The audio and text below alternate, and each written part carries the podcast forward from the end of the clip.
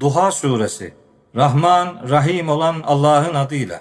Yemin olsun kuşluk vaktine, karanlığı çöktüğü, yani kararıp sakinleştiği zaman geceye ki, Rabbin seni terk etmedi ve sana darılmadı. Şüphesiz ki peygamberliğinin son dönemi ilk döneminden daha iyi olacaktır. Rabbin yakında sana nimetler verecek ve sen memnun olacaksın. Yetimken seni bulup barındırmadı mı? Şaşkınken seni bulup doğru yola ulaştırmıştı. Yalnızken seni bulup zengin etmişti. Şimdi yetimi sakın ezme. Sorup yardım isteyeni sakın azarlama. Sadece Rabbinin nimetini yani onun lütfunu şükranla an.''